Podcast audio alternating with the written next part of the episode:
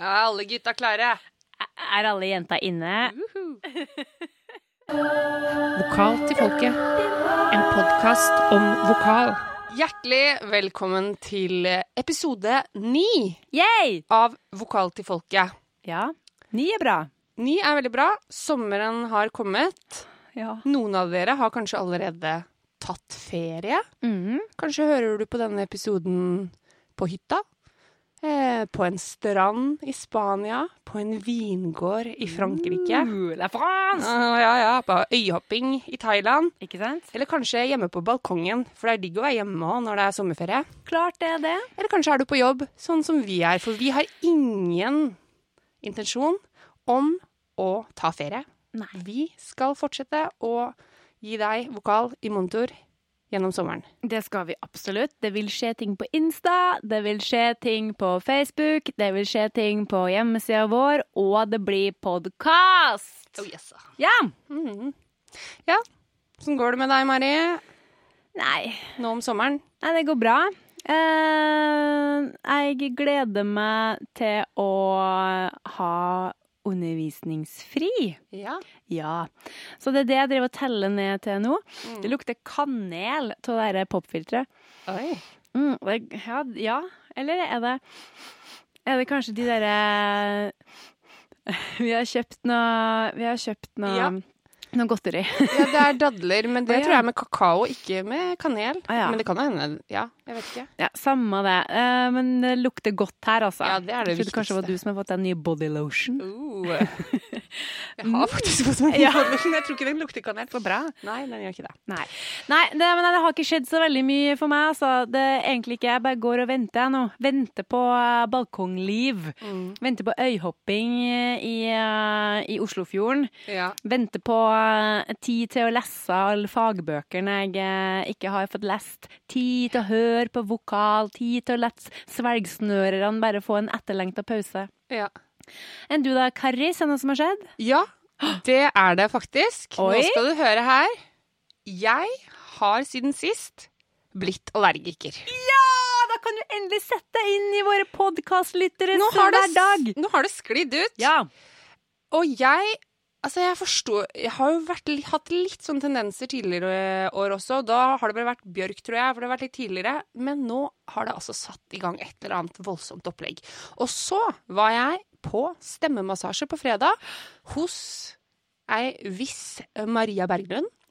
Og hun kunne fortelle meg at nå er For jeg sa til henne, hjelpe meg, jeg er så snufsete, jeg skjønner ikke hva er det som har skjedd. Og jeg er nettopp ferdig med å være forkjøla, men det kan ikke være det. Nå skal du høre, sa hun. Nå er gresspollen alle, eh, sesongen i gang. Oh-oh. Og min far er jo kjempeallergisk mot gress. Så det her tror jeg er gresspollenallergi. Jeg er gresspollenallergiker. Slå den. Ja, det er, nei takk. Nei. Det er slitsomt. Jeg skjønner det. Du er tett. Jeg er tett Ja. og nyser hele tiden. Stress. Slitsomt. Ja, Vondt, ikke vondt, men mye sånn at jeg må kremte. OK.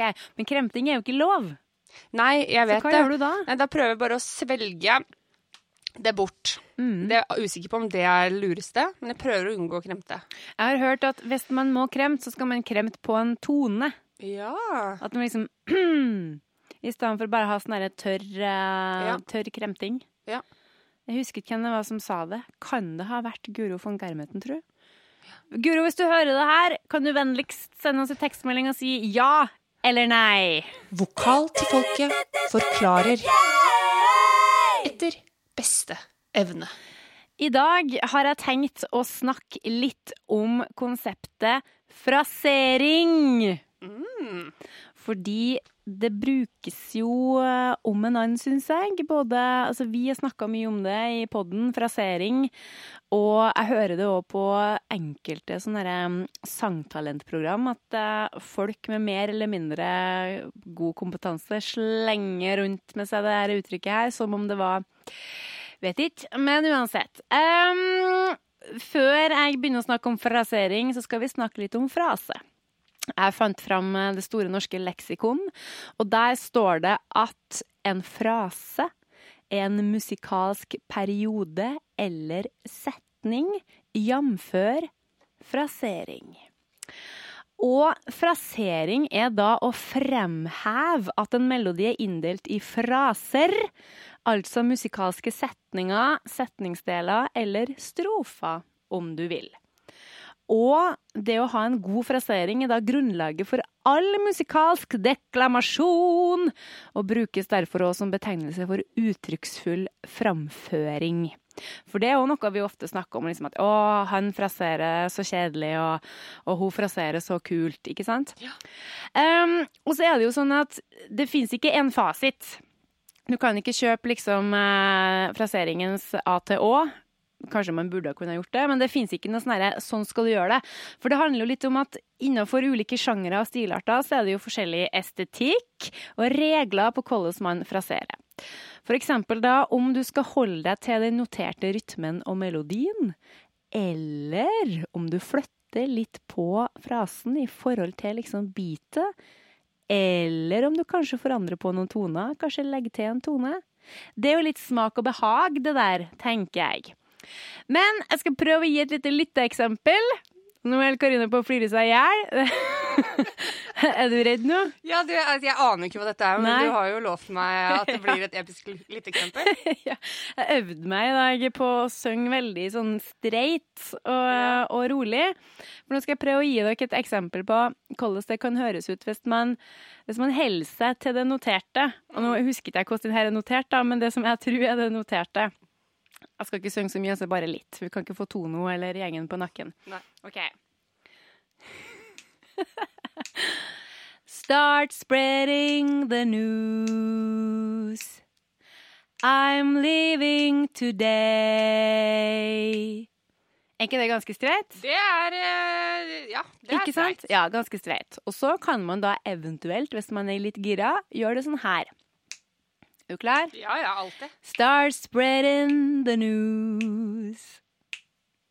I'm leaving today. Ikke sant? Ja, veldig bra. Små ting. Ja, det var små ting der på slutten innimellom. Ikke sant? Mm. Og for det er ikke sånn at du er nødt til å bryte alt sammen og sette igjen med en, eh, en ny komposisjon Nei. av frasen. Men det handler bare om små ting. Så frasering handler da rett og slett om hvordan du synger eller spiller musikalske fraser. Ja. Sånn kort fortalt. For det her kan man jo egentlig snakke om i eh, et år. ja. Og Det det hadde jo jeg gjort, sikkert. Det hadde du helt sikkert gjort. Eh, og jeg tenker at eh, vi, vi sparer det litt. Nå vet dere kanskje litt med, så at når vi snakker om frasering, så snakker vi ikke om ornamentikk eller metningstoner og sånn. Eller ja, jo, metningstoner gjør det, men altså melisma og sånn. For det tror jeg kanskje noen tror at frasering handler om å bare waile seg av gårde. Men jeg lover her og nå, eh, på min eh, oldemors grav at jeg skal komme tilbake til det med wailing og ornamentering i, en neste, i neste spalte. Men når det er sagt, hvis dere syns at det her var kanskje litt for lite eksempel, så syns jeg at dere skal ta og så børste av noen gamle LP-er med Frank Sinatra. Ja, det er et veldig godt tips. Ja, fordi han er han, er, han fraserer veldig fint, da, for etter min smak. Han driver med jazz. Og jeg syns at å høre på han, det er, det er det nærmeste jeg kommer en slags fasit for det jeg syns er fint, da. Ja. Og der er det egentlig litt sånn med han òg, at det er så naturlig at man nesten ikke merker at han gjør det engang. Mm. Jeg har analysert Frank Sinatra Flink. på en analyse. Nå tar jeg over i Ja, kjempebra, nå kjører du! Ja, Altså, du Og har da- jo pollenallergi. ja, det har jeg. Det er litt feriemodus her nå, altså. jeg kjenner det. Men det går bra. Ja. Ja, Eh, men, men jeg, jeg analyserte han. Han var en av flere som jeg analyserte i analyseoppgaver på Konsten. Og da fikk jeg en sånn skikkelig altså, Da skjønte jeg hvor bøs han er, for det er noe av det vanskeligste jeg har gjort. Mm. Og Tore Bråten, vår analyselærer, Ja. komplærer, han sa det at det å liksom analysere Frank Sinatra, det er nesten umulig, fordi han jobber så komplisert rytmisk, men likevel så naturlig. Og likevel så klarte du det, Karine Fransen. Ja, det var på en måte det som var litt av moralen i visa, denne visa her. Shout-out til Tore Bråten, som holder skuta på Sørlandet på stø kurs. Nettopp. Vokal til folket. Når du trenger litt ekstra vokal. i monitor. Eh, Mari, Ja. du husker jo at jeg sa i forbindelse med når jeg for, fortalte verden at jeg er gresspollenallergiker, Ja. så fortalte jeg at jeg har vært på stemmemassasje hos Maria Berglund, aka stemmespesialisten, ja. som vi jo hadde på besøk eh, når vi hadde pop-up-shop på stemmer. Vaterland for noen uker tilbake. Ja. Ja. Og det er ikke tilfeldig at jeg var hos henne. Jeg har hatt planer om det lenge, men det var en god grunn til å gå dit nettopp nå. Yes. Fordi Fordi Maria Berglund er på vei ned hit til Vokal til folkets headquarter. Og for dere som ikke kjenner henne, skal jeg nå prøve å gi dere et lite bilde av denne fargerike dama. Det er ei veldig skolert og belest dame. Eh, og ikke minst så er hun god til å snakke for seg. Hun kunne hatt podkast alene. hun kunne hatt to i uka, faktisk. Um, hun har altså da Veldig mye utdanning. Eh, faglærerutdanning og videreutdanning i klassisk utøvende sang har hun da fra Musikkonservatoriet i Agder. Hun har en mastergrad i klassisk sang fra Norges musikkhøgskole. Hun har jobba som distriktsmusiker i Sogn og Fjordane, og hun har turnert med både Den kulturelle skolesekken og Den kulturelle spaserstokken. Og hun har produsert egne operaforestillinger, ganske mange faktisk. Og i sin da søken etter en mer bærekraftig sangteknikk for, eh, for seg sjøl, så har hun fordypa seg innen tre retninger for sang da, og stemmeteknikk. Og det er da eh, Susanna Ekens tilnærming til klassisk sang, altså Susanna som vi var på seminar med i January. Eh, det er Still Voice Training, og det er Timani. Nå lurer dere sikkert på hva alt det her er. Bare vent, bare vent. Hun er da gründer og kvinnen bak stemmespesialisten.no, som tilbyr da sangtimer og veldig, veldig, veldig mye mer. For Maria jobber veldig helhetlig med hele mennesket, og det er noe av det vi skal snakke med henne om i dag.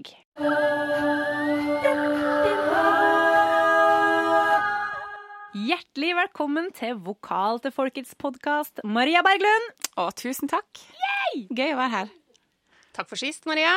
Ja, takk for sist. Det er ikke lenge siden jeg var hos deg. Hmm. Hvordan har kroppen vært mot deg siden sist? Du, den har oppført seg bra.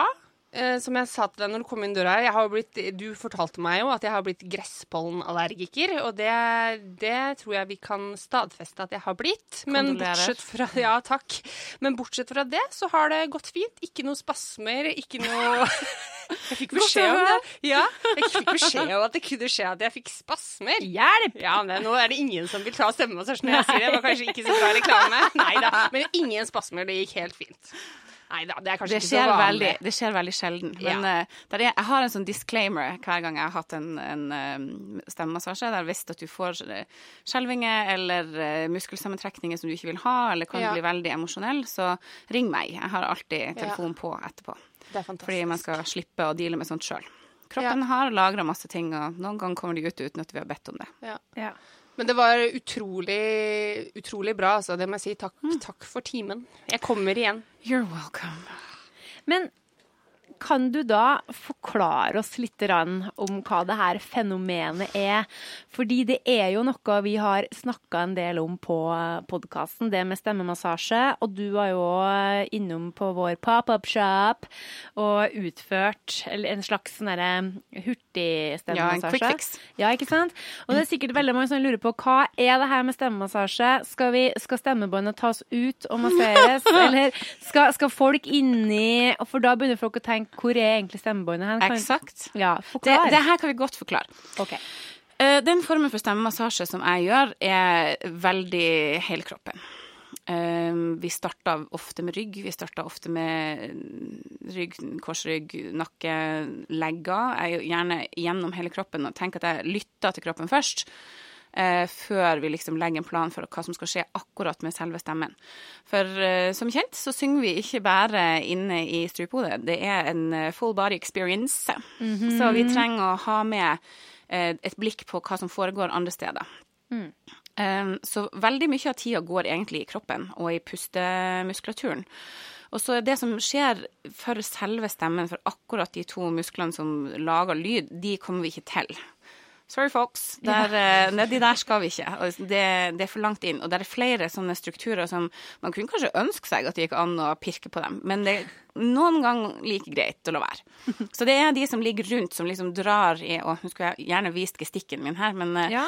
eh, det, det som ligger rundt selve strupehodet, tunga er sentral, kjeven er sentral, det som ligger på sida av halsen, og let's not forget nakken.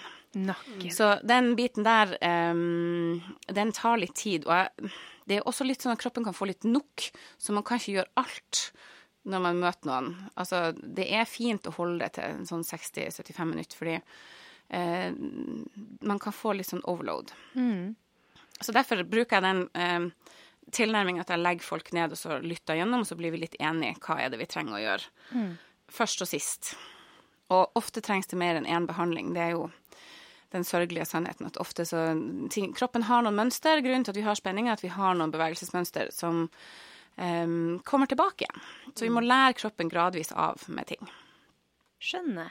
Men altså, la oss gå litt i dybden her. Pustemuskulaturen. Oh yes. Få høre. Ja. Nå eh, kan vi jo starte med den hovedpustemuskelen vår som heter diafragma. Diafragma! Wow! Diafragma! Wow! Yes, det var dagens jingle. Det var den. Eh, den er Mot eh, populær eh, tro og viten så kan vi ikke massere diafragma direkte. Det er Det er rett og slett sånn at vi kommer ikke til. Eh, men vi prøver å gi diafragma så gode vilkår som mulig med å hjelpe magen til å slippe. Ja, hvor er diafragma hen? Sånn- Den ligger festa ganske sånn midt inni brystkassa. Hovedmengden av den ligger eh, rundt eh, 8-9. ribbein. Og så er den festa ned rundt alle ribbeina hele veien rundt. Har 16 retninger som den drar i. Det er Ikke sant. dritkult. Og derfor har jeg spurt, fordi at uh, Altså, jeg, jeg vet jo hvor diafragma er hen, men jeg bare var helt sikker på at nå får jeg en sånn ordentlig gjennomgang. 16 retninger. 16 retninger. Tøft. Så den, den um, trekk Når du puster inn, så har hjernen sendt et signal til nervene eh, som styrer diafragma, til at nå er det litt lite oksygen her. Og så trekker diafragma seg sammen, og da går den ned i kroppen. Og lager plass til lungene, som blir eh, fylt med luft pga. undertrykk som kommer der oppe. Eh, Og diafragma eh, skal helst få lov å bare være refleksiv. Det er en muskel som sitter så langt inn, og som er så sentral for vår overlevelse, at den bør vi ikke kødde for mye med. Og det er veldig mange klassiske sanglærere i hvert fall, som er glad i å manipulere diafragma. Og det kan man jo Man kan gjøre noen øvelser for å styrke den. Det er en god idé. Og, og ikke minst sette den i mer frihet, sånn at det blir lettere for den å re reagere refleksivt. Men eh, sånn her veldig holding og pushing og dytting og sånn, det har jeg holdt på med en stund og gått bort fra. Fordi det skaper mye spenning andre steder, og det gjør ikke at pusten blir så mye enklere. Altså, nå får jeg bare sånne Nå får jeg ideer her. Hva om vi lager buttons der det står 'slutt å manipulere diafragma'? Si fra hvis dere er interessert i sånne buttons. Så. Eventuelt så kan vi også følge opp med noen øvelser som er gode for å styrke diafragma og, og Ja. trimme den. Men mye av det jeg gjør i rygg-mageområdet, er å hjelpe diafragma å få det friere. Sånn at refleksen går mer naturlig. For refleksene våre er ypperlige å synge på. Både innpusten og, og den litt forlenga utpusten som vi har mens vi synger, den, ehm, det, det fungerer i utgangspunktet. Ikke pust for mye. Hvis jeg skal si, så oppsummere én ting, så ikke don't overdo it. Så har du andre pustemuskler som ligger mellom ribbeina. Noen er til utpust, det er de som ligger innerst, og de som er til innpust, ligger ytterst. Og de, de spiler på en måte opp ribbeina, sånn at det blir også mer plass for lungene til å ekspandere. Lungene i prinsippet de kan ekspandere hvor mye som helst. De kan bli virkelig enorme hvis man bare hadde tatt dem ut og så begynt med en sånn sykkelpumpe. Ja. det blir like stor som dette rommet, tenker jeg. Minst.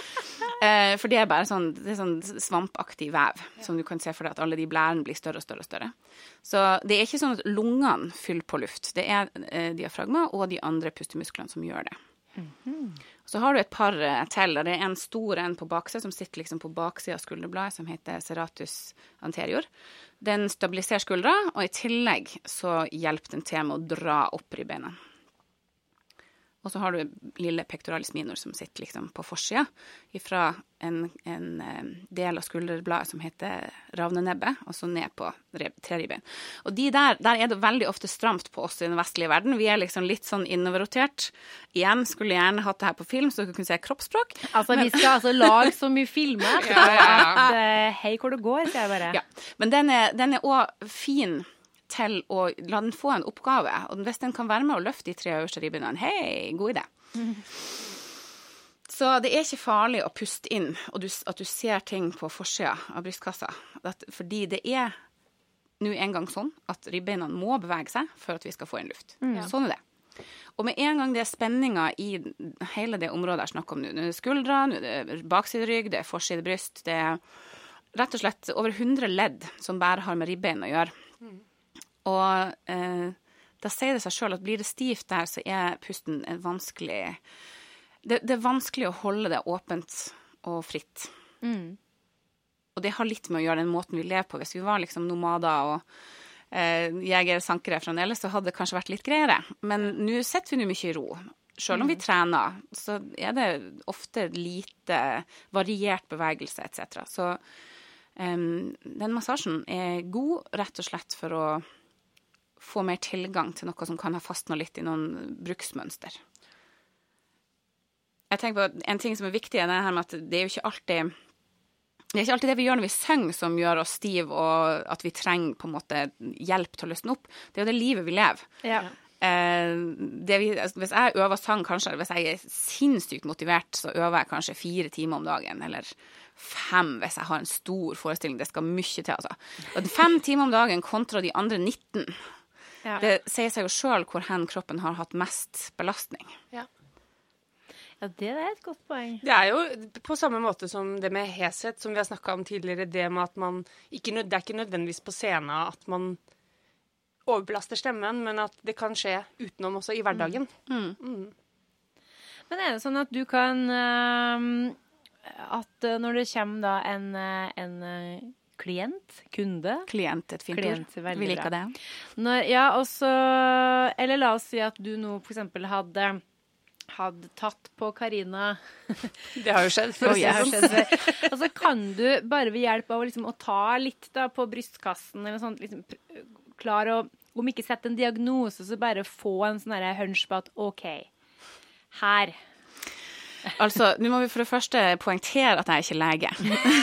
Det er veldig viktig å få fram, Det er liksom eh, doktorstemme. Ja, det er litt, eh, det er litt misvisende. Men, eh, men jeg kan en god del anatomi, og det er alltid noe mer å lære, så det er jo det digge. Jeg bruker å snakke mye om hvor lykkelig jeg er for å ha både en mikrokosmos inni stemmen og et makrokosmos som er hele kroppen. Man kan nerde i vei til jeg dør. Halleluja. eh, jo, men hvis, altså, når det gjelder hvordan man ser hva som trengs å gjøres, ofte, ofte så ser jeg det, ja. Mm. Ja, ikke sant? Jeg kan se det på, på avstand. eh, og jeg Og herlighet, ser du på det. meg nå at jeg liksom bør legges inn? legges inn! Å, nei, det er ikke så Det galt. var, hæ? Det altså, når jeg sa det her, så retta jeg meg opp med en gang og rulla skuldrene tilbake. For å prøve å. Ja, men, men altså Jeg har, jeg har en idé om hvilke skuldermuskler jeg skulle ha gått eh, bananas på. Ja, ikke sant? Er det belastning for deg å gå rundt og se på alle som trenger hjelp? Du, det skjer noe med, det skjer noe med blikket. Det gjør det jo. Men man, kan jo, man må jo skru det av på et tidspunkt. Ja.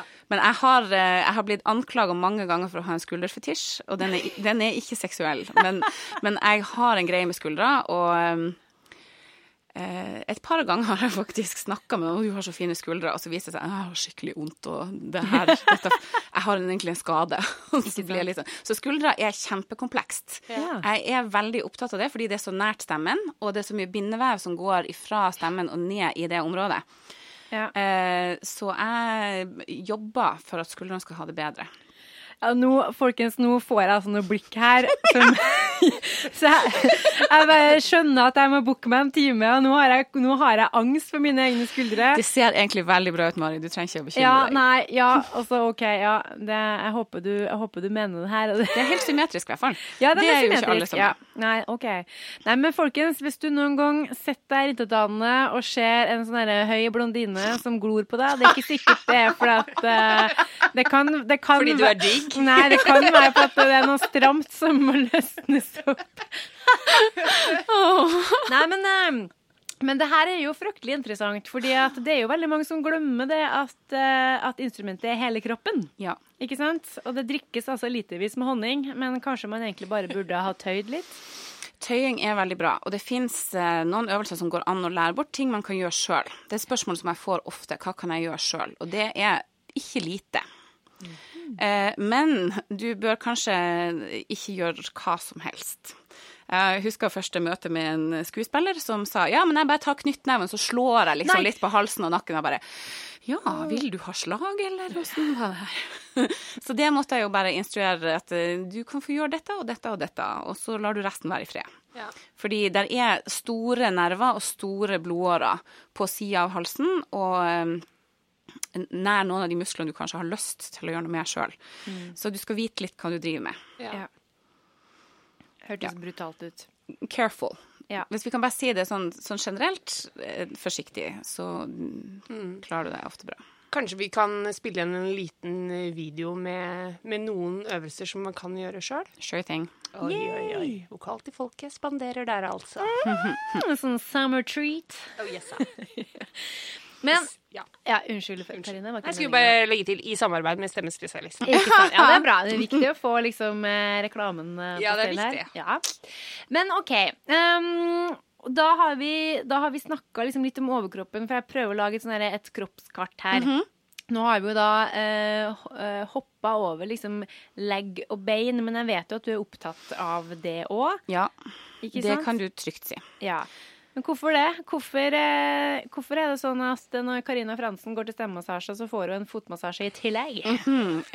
Nei, du, det her er jo um, Det er et vidløftig tema. Jeg skal prøve å gjøre det kjapt. Å, så gøy. Um, har du bladd i en anatomibok, Mari? Ja, det har jeg faktisk. Uh, hva, hva slags år var den gitt ut?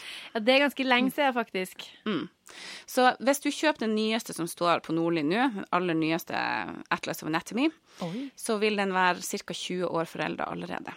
Fordi det er så mye forskning, det skjer så mye på medisinfronten og på forskning med kroppen som ikke kommer seg inn i litteraturen, fordi det tar lang tid å få vitenskapelige bevis publisert til den, i den grad at det er beregna som At det regnes som valid. valid.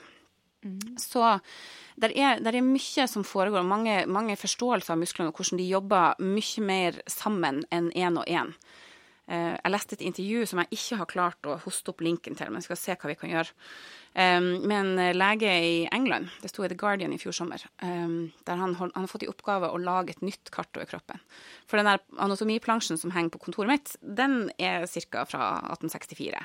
Og så tror vi at det er sånn det er. Disse organene gjør dette, den muskelen der gjør sånn, så har den, den har hovedfunksjon sånn og bifunksjon sånn. Ferdig med det. Og det er virkelig ikke så enkelt. Det er veldig mye eh, mer kaos. Han sa noe, han skrev noen ting om hvis at eh, han skulle oppsummere det han kunne i to, eh, i, i to ledd, så var det Punkt nummer én er på eh, molekylnivå så er kroppen et kaos. Der er det faktisk ganske vanskelig å se at denne delen gjør det, og denne delen gjør det. Det, det er ikke så lett å spore. Og på det andre punktet så sa han at vi er mye mer individuelle enn vi tror. Det er mye, mye, mye større individuell variasjon enn det vi tror. Og det syns jeg Jeg blir trøsta av det, jeg. Jeg blir, jeg blir lykkelig. Ja. Det er ikke så rart at denne kroppen finner på et eller annet merkelig. Det, Nei, sant? den, har, den, den prøver å løse de oppgavene som jeg har til daglig. Flinke kroppen. Takk Ja. for det. Ja. Amen. Ja, så jeg tenker at vi må, vi må være litt Vi må være gode til å um, være takknemlige for det som bare virker også. ja. Det er litt av et maskineri, da. Ja, fy flate. Fy søren. Det, blir jo helt, det er nesten som å tenke på universet. Man blir jo helt ko-ko. Ja, trenger du å legge deg ned litt? Ta meg en sup kaffe. Ta deg litt Så, kaffe. så den Ja. lange introen der, det var på en måte en sånn herre Der fins jo noen som, som har jobba de siste De siste 15 årene har det vært masse studier på bindevev, som er det her hvite spindelvevaktige som ligger under huden. Også, Tenk at vi har spindelvev i kroppen! mengder av spindelvev. You have no idea. Og der er det Nå har man begynt å se på det som litt sitt eget organ. Og i bindevevet går 70% av nervene og blodårene i kroppen. Så um, eh, det er rett og slett et veldig effektivt kommunikasjonsnettverk. It's the world wide web. For, God dekning der, altså.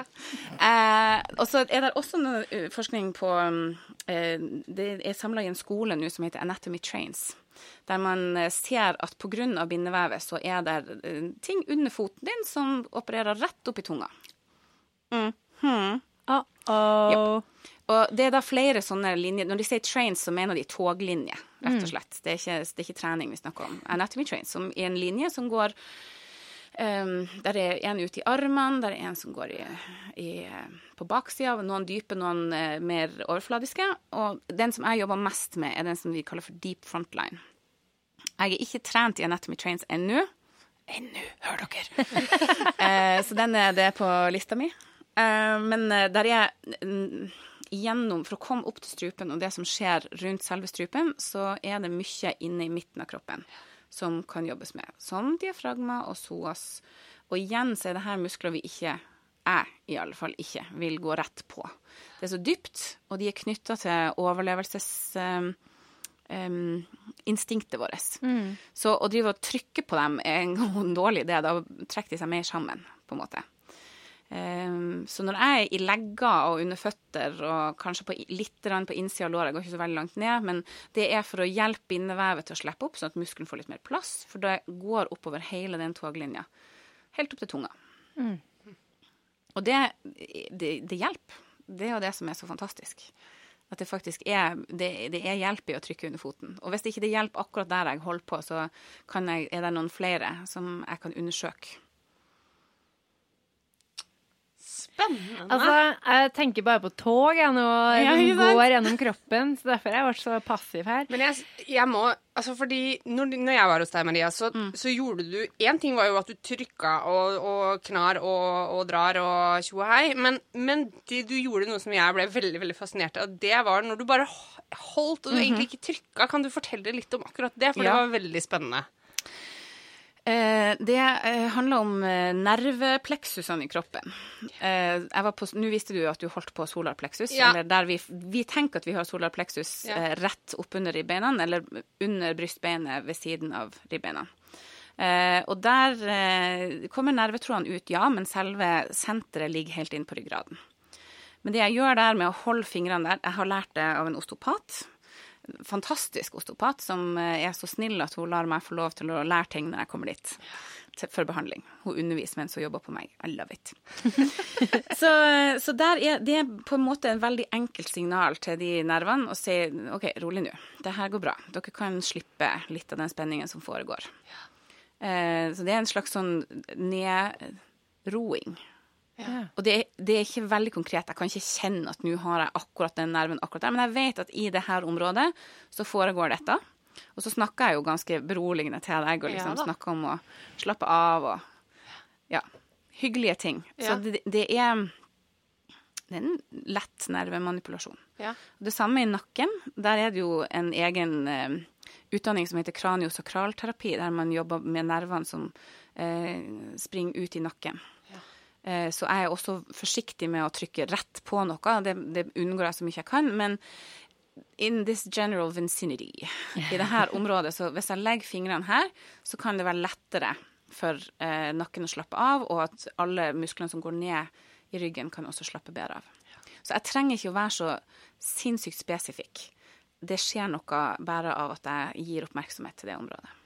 Det er fascinerende, syns jeg. Ja, for det, når jeg spurte Karina om eh, Ja, hvordan var det da? Hva skjedde? Hva gjorde hun? Så var det akkurat det her med Jeg var veldig bare, opptatt av det. du bare holdt, og tenkte bare herlighet. Det hørtes jo veldig greit ut. Det, Ja, ikke sant? Kan man gjøre det på seg sjøl, eller funker det dårlig? Du kan prøve. Uh, jeg har ikke så kjempeeffekter av å gjøre det sjøl. Um, og det er litt for at kroppen er ikke så glad i å være aktiv og passiv samtidig. Eh, den er bedre Det er en sånn relasjonell ting det der med å ta imot behandling, egentlig. Så det Ja. krever også tillit. Og det er jo en av grunnene til at jeg vegrer meg for å gjøre de vondeste tingene første gangen jeg møter noen. Så jeg har, jeg har begynt å si 'kom tilbake, så tar vi kjeven på innsida'. ja, Så man slipper ja. slipp den der vinylhansken og så rett inn i kjeften. For det Det er her voldsomt. skal vi snakke mer om. Fordi at eh, den, det, det er liksom Når jeg snakker med folk som har vært på stemmemassasje, så er det ofte liksom Ja, og så var det jo da inni inni munnhulen, for der blir det Og jeg tenker at en ting er at det er, det er jo fysisk ubehagelig, men det derre tanke på at du har et annet menneske sin hånd inni kjeften Lord. Det, ja, det er, det er et eller annet der, altså. Og jeg, jeg, jeg tror ikke at man trenger å ha vært utsatt for ting for å synes at det er veldig rart. Nei, det er kjemperart. Og det, du kan jo se for deg, der kom jeg med første flyet fra Gardermoen til Stockholm i 2017, og eh, rakk å svelge én munn med kaffe, og så ja ja, nå er det, så er det praksis. Skal vi ikke ha kurs? Nei, du skal, det er learning by doing her. Å ja. Ja, så nå han som eh, leda kurset, eller som organiserte alt, legger seg på benken, diger mann, på sånn 60 år kanskje, eh, og så sier hun læreren ja, fint, Maria du er først. Hæ? Ja, men jeg vet ikke hva jeg skal gjøre. Jo, på med en hanske. Og på med hanske og inn i munnen, og jeg var, skalv jo på handa. Ja. jeg følte at det her, dette er kanskje litt meget. Ikke sant? Eh, og da var jeg jo altfor forsiktig, så jeg måtte jo lære meg å ta i. Det har vi lært greit siden den gang.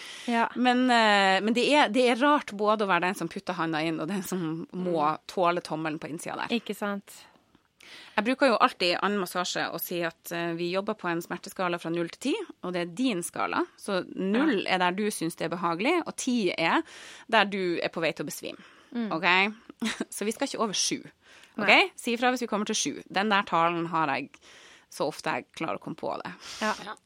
Men når vi kommer til kjeven og inni, så er det så merkelig, at, og det er så sensitivt, så der kommer vi av og til litt over.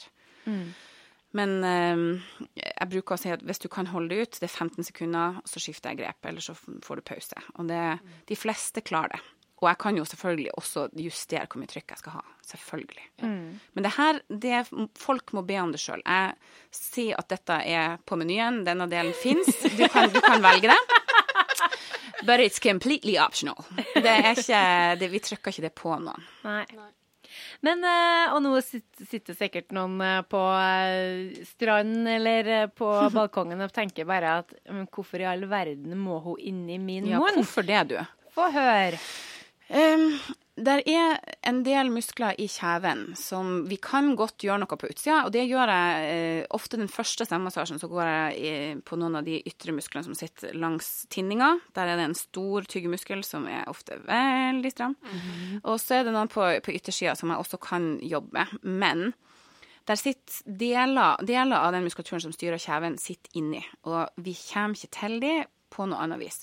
I tillegg så er det jo også bindevev her, og noen sånne linjer som vi går langs for å, eh, for å hjelpe hele strukturen med å slippe. At det ikke er bare direkte på det triggerpunktet inni der.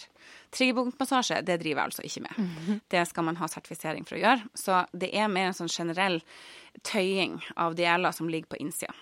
Og det som er veldig morsomt, er at man plutselig føler at man kan åpne munnen etterpå.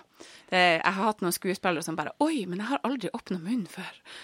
Eh, der det, det kommer liksom fire centimeter til, eller Ooh, sounds intriguing. Ja, og det er jo i opera, for eksempel, så er det jo nesten fy-fy å synge uten å åpne munnen på de høye tonene. Og du, hvis du vil ha lyd, så må munnen opp. Og da er det veldig synd hvis man som meg har masse spenninger i kjeven, og det er da fra plantene lenger ned ifra, jf. Anatomy Trains. Veldig ofte kommer det fra andre steder. Eller fra nakken. Og da er det ikke egentlig nok å bare løsne nakken. Vi må, jeg bruker å si at jeg lirker. Jeg gjør litt i nakken og litt i kjeven og litt i nakken og litt i, på tunga og litt i nakken igjen. Slutter veldig ofte med nakken. Fordi det er så mye som sitter der. Det er så veldig vane hvordan man beveger nakken. Mm.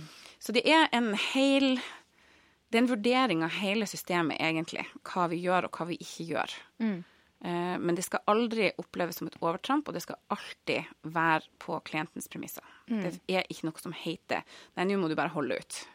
Fordi altså, det motsatte av det jeg vil, er jo at du skal bite tenna sammen og Ja, holde ut. Liksom. Jeg vil Ja. at du skal slippe. Ja. Ja, Så eh, you don't treat trauma with trauma. Det, For det må jo være en liten utfordring, faktisk. Det med at uh, folk spenner seg og Jeg opplever i hvert fall det når jeg tar massasje. Jeg har veldig problemer med å slappe av. Nå snakker jeg ikke om stemmemassasje, men generell massasje. At, at jeg blir litt sånn Nå må jeg bare Og så presser jeg liksom imot, da. Og så Det er jo litt forskjellige skoler på det her feltet, men jeg starta den jobben jeg har gjort med min kropp, hos en osteopat. Og de er forsiktige. De syns ikke at det er en god idé at det gjør så vondt. Og jeg har leita og leita etter hvilken studie og hvilke, hvor hen er det publisert at hvis du går over en sjuer, at du går over 70% av smerteterskelen til kroppen, så begynner kroppen å trekke seg sammen igjen. Det har jeg hørt referert til mange ganger, men jeg klarer ikke å finne um, riktig studie, da. Så hvis noen vil hjelpe meg litt, there you go. uh, men det, det, er det jeg har valgt å operere ut ifra, også fordi at jeg har jo en tanke om det som foregår inni et menneske, det, det, det som foregår på det mentale plan. Mm. Så jeg ønsker ikke å trykke folk gjennom noe som gjør at de må som, som, gjør at de har det dårligere når de reiser opp. Ja. Jeg, det er ikke vits i å få det til å slippe i dag hvis det trekker seg sammen igjen i morgen fordi dette var et overtramp. Ja. Mm. Det har jeg opplevd. At jeg har blitt uh, overtalt til å trykke hardere. Noen sa ja, det er akkurat der, det er akkurat der. Nei, men jeg er vant til mye hardere grep. Kjør på. Og så mot min, mitt bedre vitne så gjorde jeg det. Uh, og sendte en melding dagen etterpå. Hvordan går det? Ja, du, det var veldig behagelig det du gjorde, men uh, Eh, jeg måtte dessverre til osteopat, fordi i dag så var det like ille igjen. Mm. Ja. Og det tenker jeg er et signal om at kroppen ikke er klar til å slippe det sjøl, og da er det ikke noe vits i å tvinge det. Nei jeg har jo en litt sånn approach til kropp at jeg snakker med den. Jeg snakker med musklene som om at det er hver sine personer. det, det, er enten veldig søtt eller veldig weird. Nei, men det, nå kjører du. Altså, jeg, snakker, jeg, snakker, jo til stemmen min. Jeg snakker jo om eh, stemmen min som en, som en eh, Hva skal jeg si? Altså, det er jo en del av meg, men samtidig så føler jeg jo at det er en sånn egen person. Og det som er litt rart, at jeg ser på stemmen min som en mann. Mm. Og det syns jeg er veldig rart. Men på mange måter når jeg er irritert, så er det veldig logisk. det der er jo eh, rett i eh, Joyce Nei, ikke Joyce Donato. Uh, Jessie Norman sin ja, bok. Okay. Hun hold, holdt et foredrag en gang der hun sa at um, hun har kommet til å se på stemmen som sin beste venn. Oh. Uh, og nå har hun behandla den så bra at nå gjør den stort sett alt hun ber den om. Ja, det skal jeg ta med meg. ikke sant? Ja. Jeg skal booke meg inn og få løsna opp i kroppen. Og så skal vi bli bestevenner, stemmen min og jeg. Ja, og det er jo, de her musklene de har jo Noen av dem kaller jeg for the usual suspects, så de må jeg liksom innom. Og noen kaller jeg for stakkar lille venn, har du jobba veldig hardt? Uff, a da? Så det er litt sånn men, men, jeg føler noen ganger de har nesten sin egen personlighet, at det, det ligger lagra ting. Jeg nevnte det i stad. Kroppen er egentlig en gedigen minnebrikke. Ja. Den, eh, den, har liksom hele livet vi har levd, også det vi ikke husker sånn rent daglig, ligger inni her. Og det skal man ha veldig respekt for. At du kan Du vet ikke helt nøyaktig hva du trigger til enhver tid. Og derfor er det også viktig, den lille disclaimeren min, da, at hvis det plutselig dukker opp noen ting, at du blir veldig emosjonell, eller noe som har, har, vært uforløst lenge. Plutselig så sitter du der og vet ikke hva du skal gjøre, for nå skjelver du. Selvfølgelig skal du ha backup. Selvfølgelig skal noen passe på deg da. Mm. Men jeg tenker eh, jeg har, Det er kun de siste åra at jeg har hørt snakk om stemmemassasje i det hele tatt. Jeg. Så jeg lurer på eh, når, Har vi alltid drevet med det, eller er det noe som har eh, dukka opp, eller? Jeg møtte Dorte Kirkebekke i 2012. Da var jeg på Voksnåsen, på eh, det berømte sangkurset der for klassiske folk. Um, og hun um, masserte én muskel bak ryggen. Vi hadde veldig kort tid, og hun var på ett sted. Og jeg fikk liksom en halvtime der jeg sjangla av gårde, litt sånn halvveis groggy. Eh, men når jeg da skulle synge en halvtime senere, så var det jo Jeg kunne hoppe over to av pustene. Jeg fikk liksom tre ganger så lang frase. Hva skjedde nå, tenkte jeg. Det her må jeg jo finne ut av. Og så var jeg på besøk hos henne flere ganger i København, og flytta dit i 2015 for å, for å ta timer med Randi Stene, først og fremst. Um, men også jobbe med hun Dorte. Og hun er jo den som har åpna det begrepet for mange i den klassiske verden. Men det er ikke noen beskytta tittel. I prinsippet så kan hvem som helst kalle seg stemmasør og i prinsippet gjøre hva som helst. Så det, der har jeg litt lyst til at ting skal endre seg litt. Jeg, jeg ser fram til den dagen det har Du er nødt til å ha noen merits for å gjøre det. Mm. Jeg har jo gått to utdanninger pluss oppfølging med den osteopaten som jeg har, og hun Dorte, for å føle at jeg kan det jeg kan. Mm. Um, men jeg skulle gjerne hatt mer papir. Så det er derfor jeg tenker på Anatomy Trains Så Axelsons kommer jeg kanskje til å gå bare for å være sikker på at jeg kan det samme som alle andre massører. Ja, ikke sant. For det er jo en eh, Ja, for det er jo, det er jo strengt tatt en massasjeutdanning. Men, men bør, man, bør man liksom være sanger for å liksom forstå hele konseptet med liksom stemmemassasje, eller? Jeg tror man fint kan forstå det uten. Ja. Um, jeg merker jo at folk har mer tillit til meg fordi at de ser jeg har hatt en monsterlang utdanning i sang. sånn at hun, ja, hun vet iallfall hva som kreves. Det gjør jeg. Men jeg tror det er mange som kan være gode stemmemassører uten å ha den kjempedype forståelsen av Ja. hva, som, hva man må igjennom. Det, det legger man sammen etter hvert. Når du har møtt noen som har fem produksjoner, to er på scenen og to er i Ja. produksjonsfasen, og du skjønner ikke hvorfor, hvorfor er denne personen så sammenfiltra. Det, det, begynner, klokka begynner å ringe på et tidspunkt. Jeg skjønner det.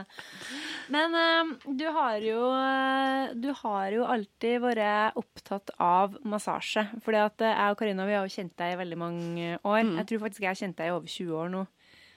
Mer enn det. Det har du. Ja, det har jeg faktisk. Oh my goodness, 25, Mari. Nei, 24, 22. 22, tror jeg. Ja, ikke sant. Og du har jo altså For 22 år da drev du og masserte eh, hele verden. Ja, det er Så, sant. ja, men det er sant, altså. Men, eh, men eh, Og du har jo òg tatt eh, Du har jo òg jobba med Timani. Du er Ja. jo sertifisert. Kommer seg. Det, Kommer det er veld, seg. veldig snart. Jeg har brukt veldig lang tid på det treårige lærerstudiet i Ja. Timani. At Musicians Health and Movement Institute. Ikke sant? Nå får det så mye oppmerksomhet i utlandet at det må hete noe engelsk. Oh, ja, det, er veldig det er veldig bra navn. Det handler om musikere som trenger eh, bedre, ofte bedre helse, eller vil gjøre forebyggende arbeid for helsa si. Timani driver med mikrodetaljnivå. Det handler om å kjenne kroppen sin innenifra. Det er en holdning, en tilnærming til å, å være mer til stede i den strukturen vi har fått utdelt. Det beste redskapet vi har. Altså Musikken er inni her, det er ikke ute i fiolinen eller nede i tangentene. Det vet vi jo instinktivt. Ja. Men vi, vi vet ikke helt hvordan vi skal um, få ut det potensialet som er der. Og det er litt fordi at da vi var små, så hadde vi kjempelett tilgang til alle reflekser og alt som, um, som har med, med spontan bevegelse å gjøre. Men så blir vi sittende på skolebenken fra vi er seks år gammel og ti stille og sitter i ro. Ja. Og der stenger vi av en hel del greier som trengs å vekkes opp igjen litt. For at man skal få kontakt innover i det som virkelig er kjernemuskulatur og stabiliserende, da, sånn at ikke all aktiviteten blir i det ytterste laget. Altså, det er jo logisk når du sier det, men, eh, men det er ikke så mange som tenker over det. Nei. Nei, og vi tenker at vi har veldig god kunnskap. Det gjorde jeg også. Jeg underviste i mange herrens år før jeg begynte på, på mastergrad, og på mastergrad så sleit jeg Jeg, jeg var veldig, ofte veldig, veldig dårlig i kroppen. Og skjønte ikke er det her Jeg er bare i 30-årene, liksom. Hvorfor gjør det her vondt? Um, sånn at eh, Det er noen ting med å kunne noe om kroppen og lære noe om kroppen som ikke automatisk nedarves ved at en lærer sier du må puste med diafragma. eller, du må, eh, eller du må puste med magen, som er en enda mye vanligere eh, instruks. Jaha, hva da? Ikke sant? Og, og veldig, jeg husker veldig godt på mastergrad da jeg fikk beskjed på en orkesterprøve om at du må synge mer, vi må ha mer. OK, hvordan gjør jeg det? Er ikke jeg hun der som lager for mye lyd uansett hva jeg gjør? Hmm, this is interesting. Og det endte jo i en klemmefest. Jeg var- så hes som jeg aldri har vært i hele mitt liv etter den konserten der. Um, så, så her er det er ikke Jeg og Timani som sådan slår et slag for å vite hva som skjer, hvorfor det skjer, og ha kontroll over hva som skjer. Og her kommer det inn dette her med, med den eh, forståelsen av kroppen. Da. Hvordan ser vi på kroppen? Eh, de har en, eh, eller vi har en modell som kalles for karamellen. Der man ser, eh, Hvis vi begynner innerst, så har karamellen en sånn flytende kjerne. Se for deg sånn der- Du vet sånn som Meller var i gamle Oh, dager. yes. Der det flyter ut når du biter gjennom, liksom. Og den kjernen der, det er liksom det innerste i kroppen, som skal være refleksivt og spontant, og ikke så veldig holdt. Som diafragma og eh, en stor muskel som heter psoas, eh, organer, etc. Så har du Se for deg at karamellen har noe som, som setter seg fast i tennene, litt sånn tyggefast.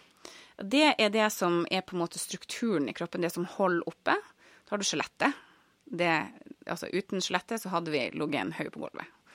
Eh, og så skjelettet er en, en stabiliserende struktur, og i tillegg så er det da muskler som stabiliserer skjelettet. Så at vi holder oss oppe. Og det er merkelig nok muskulatur som ligger ganske nær knoklene. Det kunne vi kanskje ha tenkt oss til. Men det er bare noe med å Så basic er det. Og når vi snakker om kjernemuskulatur, så kan vi like godt si skjelettstablende muskulatur. Det som holder oss oppe. Det er i kjernen. Og så ytterst, da, så kommer jo denne sjokoladen som ligger på, på yttersida. Mm. Og den kan være Hvis det er veldig varmt, så er den myk. Og hvis, den, hvis det er kaldt, så er den hard. Det er naturen til sjokolade. Og sånn er det også med de mobilitetsmusklene som vi har på yttersida. Som er liksom alle de vi kan navnet på, typ. Bryst, den store brystmuskelen, og store magemuskelen, og setemuskelen, gluteus maximus. Altså alt, alt vi har hørt om før, ligger ytterst. Og det som er med de musklene, er at de er lagd for å respondere når det trengs å flytte seg et sted, helst fort, eller slåss. Altså fight or flight ligger sentralt i det som ligger ytterst. Og de er rett og slett ikke så holdbare eller så utholdende som det som ligger lenger inn i kroppen. Så når vi spiller f.eks. fiolin, nå er ikke det så relevant for sangere, da, men se for deg, altså, la oss si at vi synger med veldig mye press i brystmusklene, sånn som fiolinister også kan ha, så er det ikke så, det ikke så gunstig, fordi de musklene klarer ikke å stabilisere så lenge. De klarer ikke å holde eh, aktiviteten oppe. Så derfor ønsker vi å komme lenger inn i kroppen, mot det som er mer eh, holdbart, som kan jobbe mange flere timer i strekk enn det som ligger på yttersida. Og incidentally så vi, har vi bedre helse, bedre bevegelighet, hvis vi har kontakt i det innerste. Lang forklaring. Men det Nei, er men det er verdt Det, ja, det var det verdt. Ja, det er absolutt, altså. Så det her er altså da ei, eh, ei massasje Eller vi kan kanskje ikke kalle det for massasjeutdanning, for det er mer komplekst. Og det er virkelig ikke massasje. Nei, det er Timani, ikke massasje. Timani sånn. handler om å Nei, da, da hadde Tina kommet etter meg, tror jeg, hvis jeg hadde påstått det. Um, det er jo Tina Margareta Nilsen som har uh, Mm. utvikla denne metoden. Og den kommer ut ifra et behov for å spille bedre, for å slippe å få senebetennelser og hva, what not. Og hvordan kan vi hjelpe folk sånn at vi slipper å oppleve at så mange må legge opp, liksom. Og det er mange som har fått redda karrierene sine med å, å få den bevisstheten. Og det handler jo om veldig mye om å lytte innover i kroppen. Det er, Timani i sin reneste form er 150 øvelser. Tek, altså tekniske øvelser for å komme inn i kroppen, for å bevege eh, fingrene bedre, bevege hoftene bedre, eh, stable skjelettet bedre. Um, få tilgang til stemmen bedre, for oss som er sangere, da. Jeg er jo Ja. veldig interessert i Timani for alle instrumenter, men det er nå sang jeg skal bruke det til, da, hovedsakelig. Yay, sang! Så um, um, Så det er Hvis noen kommer og vil ha en Timani-time, så får de øvelser. Ja. De får øvelser, de får uh, veiledning om hvordan man kan lytte til kroppen. Hvordan kan vi, Sånn som dere skrev om, den uh, kinestetiske sansen som vi er nødt til å bygge opp igjen ofte. Um, der er det Timani ligger for en som oppsøker Timani i første omgang. Uh, og de 150 øvelsene er jo uh, no piece of cake. Jeg skal ha eksamen i ni dager i sommer. Eh, praktisk eksamen med læring og gjennomgåelse av alle disse øvelsene, og, og sjekke at jeg lærer dem bort riktig. Um, så det, er, det handler om å få ikke bare en bedre teknikk, men en annen teknikk. Og en annen opplevelse av hva som spiller inn. Ja. Og du merker det på deg sjøl at det er annerledes nå? Holy Moses. Holy Moses! Hvordan skal vi si det her? Eh, jeg starta på Timani i 2015, faktisk. Eh, og da hadde jeg da var, Jeg hadde ett mål for øye, og det var å bli den beste læreren i universet. Sånn cirka. Så, så da, jeg måtte jo ha Timani. Det kom jo til å bli et kjempeverktøy for elevene mine. Ja. Og her sitter vi fire år senere, og jeg har endelig tatt inn over meg at jeg må faktisk gjøre det i min egen kropp først. Ja. Jeg har jo gjort noe, av det ikke det, men, eh, men jeg har hatt hele, hele tida fokuset på hva skal jeg gi videre. Og nå skjønner jeg at jeg er nødt til å gi til meg først. Jeg må få den kroppskontakten, jeg må få den stabiliteten, jeg må få den kraften først sjøl, hvis jeg skal kunne demonstrere det i det hele tatt. Det er ikke nok å ha det i ordene sine, man må ha det innvendig. Det må være integrert. integrert. Ja. Ikke sant. Skjønner. Men det er Det syns jeg er tøft at Eller den erkjennelsen der, da. For det er mange som kan si bare sånn Ja, nei, men så var det gjort, og så sier vi det sånn. Men, men ja. Og veldig mange utdannelser er jo også sånn. Jeg føler nesten at høgskoleutdanningene er litt sånn. ja. Eh, de, lær det, gul, gulp det opp på en prøve, eh, Ja. få det fram, og så om du bruker det senere ja. Men det her, dette er, og det er mye mer tilfredsstillende å gå i dybden på denne måten, og nerde seg inn. Um, sånn at ikke, ikke bare det at du får et bedre resultat når du da skal synge Toscas arie eller what not, men, men at du får den added bonus med at du blir bedre kjent med deg sjøl, og får en respekt for det som du har fått utlevert da du ble født. Og her har det jo mangla litt eh, hos uh, Unge Berglund. Um, Unge Berglund var ikke glad i kroppen sin i det hele tatt. Jeg ville egentlig bare Hvis vi kunne sette opp et skjermbrett så man kunne se hodet mitt, og kanskje de fine skoene på føttene, så hadde det vært helt greit. Vi treng, resten trengs egentlig ikke. Um, og det har bare forandra seg dramatisk. Kropp er fremdeles Det er vanskelig for mange. Kropp er et vanskelig Ja. område. Det er vanskelig å se på seg sjøl. Det er vanskelig å ta på seg sjøl. Det er vanskelig å ikke dundre i vei med masse kritikk som det første du gjør når du møter deg sjøl i et speil eller i en øvelse. Men det å komme forbi det og isteden se at det her er faktisk det viktigste jeg har. Her inne er det jeg skal bo og jobbe. Det er ikke det, er ikke det samme hva som skjer her. Nei. Er det fint? Det er, Ja, det synes jeg var veldig fint veldig fint. Jeg blir så rørt. ja, men det er så viktig. ja, det er Det er kjempeviktig. Og hvor mange er det som strever livet av seg Ja. der ute? ja. Og så prøver vi å gjøre noen ting, og særlig det her med magen, pust med Ja. magen, og så skal du helst se tynn ut samtidig, og Ja. har tre lag med hold in shapewear. Ja. altså, been there, done that. Ja. Ja, det der er faktisk et, det der er et problem, altså. Ja. Fordi eh, ja, når Og kontakt med gulvet og høye Ja, ja, ja. hæler, og det Ja, er yep. noe-. For oss jenter så er det jo Jeg har uh, 40 par eh, sittesko hjemme nå. Jeg, var, jeg hadde så Jeg elska sko. Kjøpte sko, alle farger, alle mulige modeller. Og nå bruker jeg dem ikke, fordi jeg trenger å kjenne at tærne mine er i kontakt med gulvet. Ja. Ja. Jeg kjenner og trenger at hælen min kan skyve fra gulvet. ja. Og ja, jeg har sett bilder. Det ser lekrere ut med hælene på, men det høres altså Ja. så sykt Ja. mye bedre ut. uten. Og det er ikke altså, Ofte så får jeg høre liksom det at hvis, hvis man ser en sanger som går da eh, uten sokker og sko, så bare åh, så alternativ og spesiell. Men det er bare Nei, men det handler om eh, å lage gode arbeidsforhold for seg sjøl og instrumentet sitt, ikke sant? Og det er jo det er jo en helhetlig tankegang her. Jeg er helt enig, men jeg også har, har også hatt noen perioder der jeg har tenkt dessverre mer på hvordan jeg framstår, enn hvordan jeg eh, hører, ut, hører ut. Er ikke det litt 20-årene oppsummert, da? Jo, ikke sant? Så får man jo håpe at man kanskje kommer et steg videre. Ja. Men, men jeg tror at um, vi lever jo i en periode der det er liksom uh, utseende over innhold hele tida, og det må snu. Ja. Det, må, det må være mer innhold. Og det tror jeg egentlig at det er mer åpenhet for, og at vi ser at Ja. vi liker bedre de artistene som har noe å komme med, Ikke sant? enn en fin Insta-profil. Altså. Ja. Ja. Enig. Og så kan man alltids ha de der fine skoene en annen gang Ja, I bryllup, da. i bryllup. Ja, vi Lykke er til ikke med å få imot fine sko. Nei, vi elsker sko, vi. Ja, ja. Ja, ja. Og av og til så kjører man på med noe hold-in, og det går bra, det. Men ikke, ikke så mye når det er sang. Og kanskje ikke, ikke til alle øvinger, liksom. Nei. Nei. Nei, på øving Altså, da går jeg helt i sånn derre bohem-modus, jeg.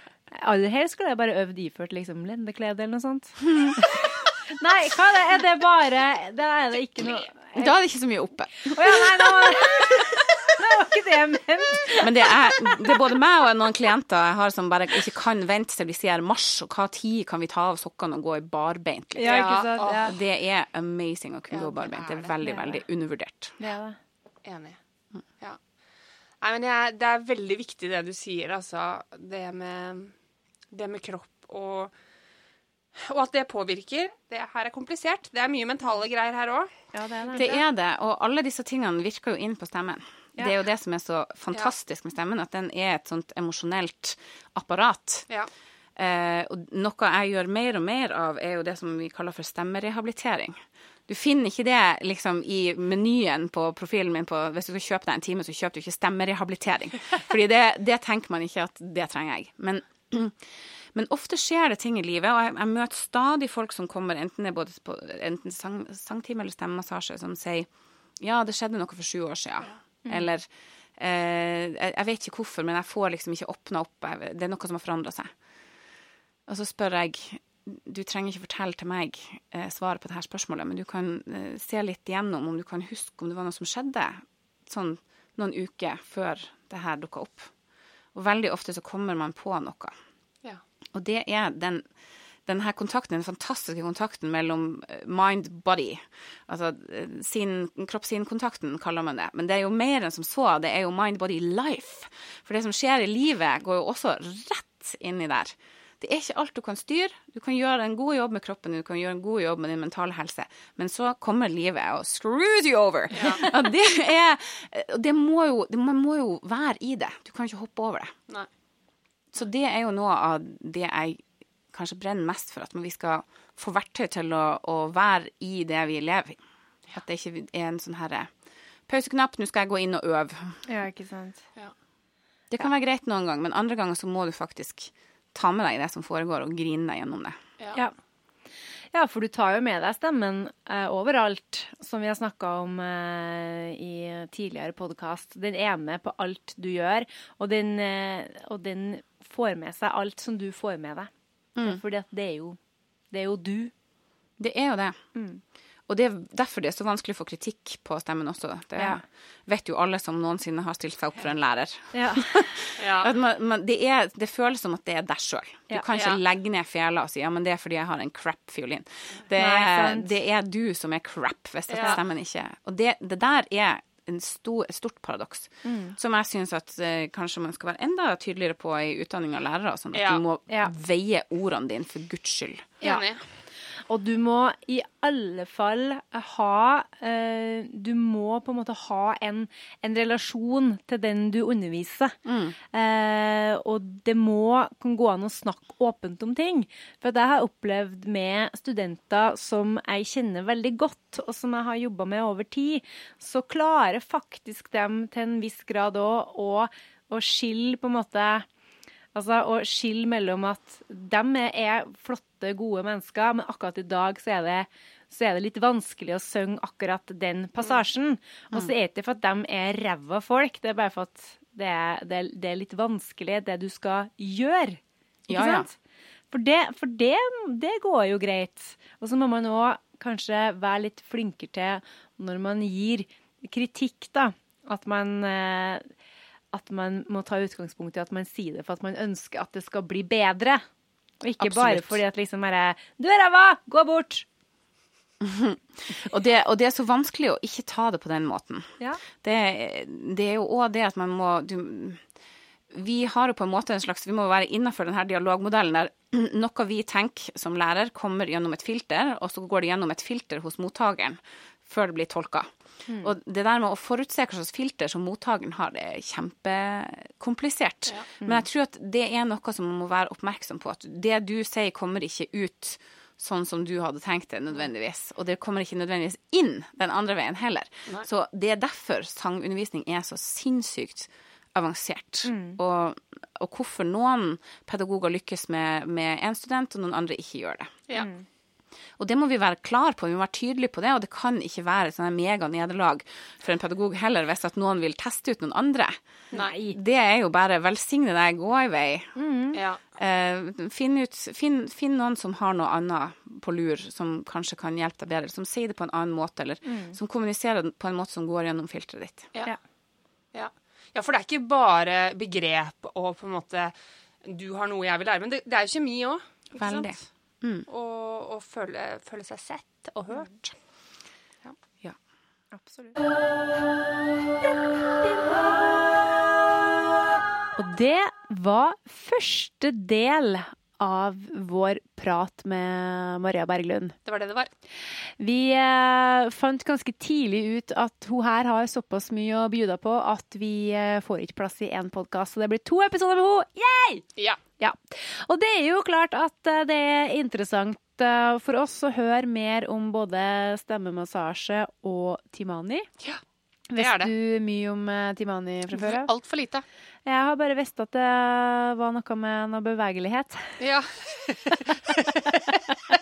Men nå vet jeg mer. ja. Ja. Får du lyst til å prøve det? Ja, altså jeg Ja, jeg tenker at dette må jeg finne ut mer av. Ikke sant? Ja. Ikke, kanskje ikke nødvendigvis fordi at man skal undervise i det, men jeg vil bare kanskje vite litt mer om hva det er, sånn at det Hvis jeg må henvise videre, Ja. hvis det dukker opp et eller annet og jeg tenker at her er det noe Her må vi ha noe Timani på bordet. ja. Det kan skje. Slenge opp tim timanien der. Så har vi kommet til denne episodens uh, anbefaling. Ja. Anbefaling, woo! Oi, jeg lukter nye jingles. Ja, det kan kanskje bli noe i sommer nå. Em, vi vil rett og slett anbefale én, to, tre Stemmemassasje! Fordi vi tror at det er fint å ha litt sånn vedlikehold på stemmen og bli litt mer kjent med hva som fungerer bra for stemmen. Ja. Ja. Jeg har da ikke vært til Maria. Jeg har uh, vært til danske, men jeg blir jo veldig gira nå, da, når jeg har uh, sittet og snakka med henne. Så jeg har tenkt å booke meg en time. Det syns jeg du skal. Ja. Jeg var hos Maria. Jeg har bare hatt én time, så jeg har ikke kommet til det punktet uh, hvor hun er inni munnen min. Men det ser jeg frem til. Ja, altså, jeg har jo tatt tannleger inni der, så Ja, hvorfor ja, ja. skal ikke Maria Berglund få komme på besøk? Det tenker jeg, da. Og hvis dere da har lyst til å vite mer om Maria, så kan dere gå inn på stemmespesialisten.no. Eh, Der står det mer om henne og hva hun kan tilby. Og så er det også, eh, Der har hun sin stemmeblogg. Den er veldig interessant. Der er det drodling og snakking og informasjon om sangrelaterte ting. Ja. Anbefales. Yes. Deriblant òg hennes eh, øvings... hva vi skal si? Øvingsvideo. Hun driver og synger seg opp for tida. Ja. Det er Hun har et prosjekt uh, going on. Mm. Sjekk det ut!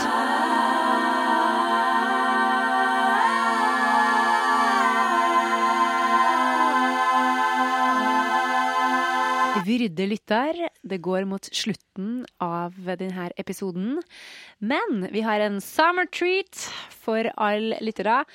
Og det er det at vi hadde jo en eh, pop-up store her 1. juni, hvor vi solgte eh, merchandise, kopper og eh, blyanter. Og vi har noen igjen, så hvis dere ikke var i Oslo eller ikke fikk det med dere, så kan dere altså bestille ved å sende mail til meg. Mari at vokal til folket.no. Jeg gjentar. Mari at vokal til folket.no. Så kan det bli både kopp og blyant på deg. Og det vil du ha. Ja, det vil du. Følg oss også på sosiale medier. Facebook, Instagram, og ikke minst sjekk ut hjemmesida vår, som vi oppdaterer, eller Mari oppdaterer ved jevne mellomrom. Hun eh, byr på snacks der. eh, fra oss eller fra gjester.